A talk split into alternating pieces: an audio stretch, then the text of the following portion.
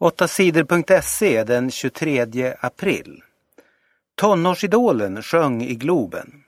Tonårsidolen Justin Bieber är i Sverige. På måndagen hade han sin första konsert i Globen i Stockholm. Köerna utanför Globen var långa. En del unga tjejer hade stått i kö hela dagen för att få bra platser. Han är värd att köa för. Han gör bra musik och är väldigt söt, säger Therese Dahlgren till tidningen Metro.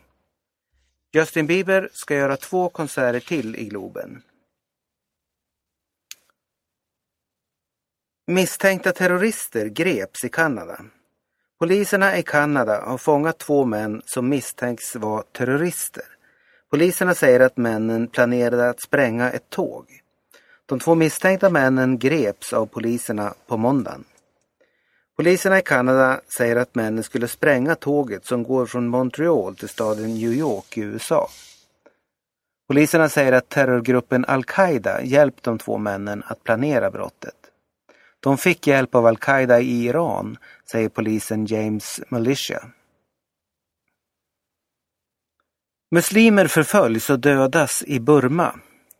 Muslimer blir illa behandlade i landet Burma. Många i den muslimska folkgruppen rohingya har blivit misshandlade och bortjagade från sina hem. En del av dem har blivit dödade, andra har tvingats fly från landet. Politiska ledare och buddhistiska munkar har fått folk att attackera muslimer och bränna deras hus och moskéer. Det säger människorättsgruppen HRV. TV-bolaget BBC har visat hemska bilder som visar hur hela bostadsområden bränns ner av uppretade människor i staden Meiktila. Jag såg åtta pojkar bli dödade. Jag försökte stoppa folkmassan men poliserna drog bort mig, säger bur burmesen Vintain till BBC. Folk stod och hurrade och hejade när människor blev dödade. Jag var äcklad och skämdes, säger Vintain. Många tusen muslimer har flytt från Burma de senaste åren. Det är många problem i Burma. Bråken mellan folkgrupper är ett av de stora problem som landet har, säger Sveriges utrikesminister Carl Bildt. Cloetta får skäll för miljonbonus till chefen. Cloettas chef fick mer än 7 miljoner i bonuslön förra året. Det är mer än hans vanliga lön. Totalt fick chefen Bengt Baron 12,5 miljoner kronor i lön.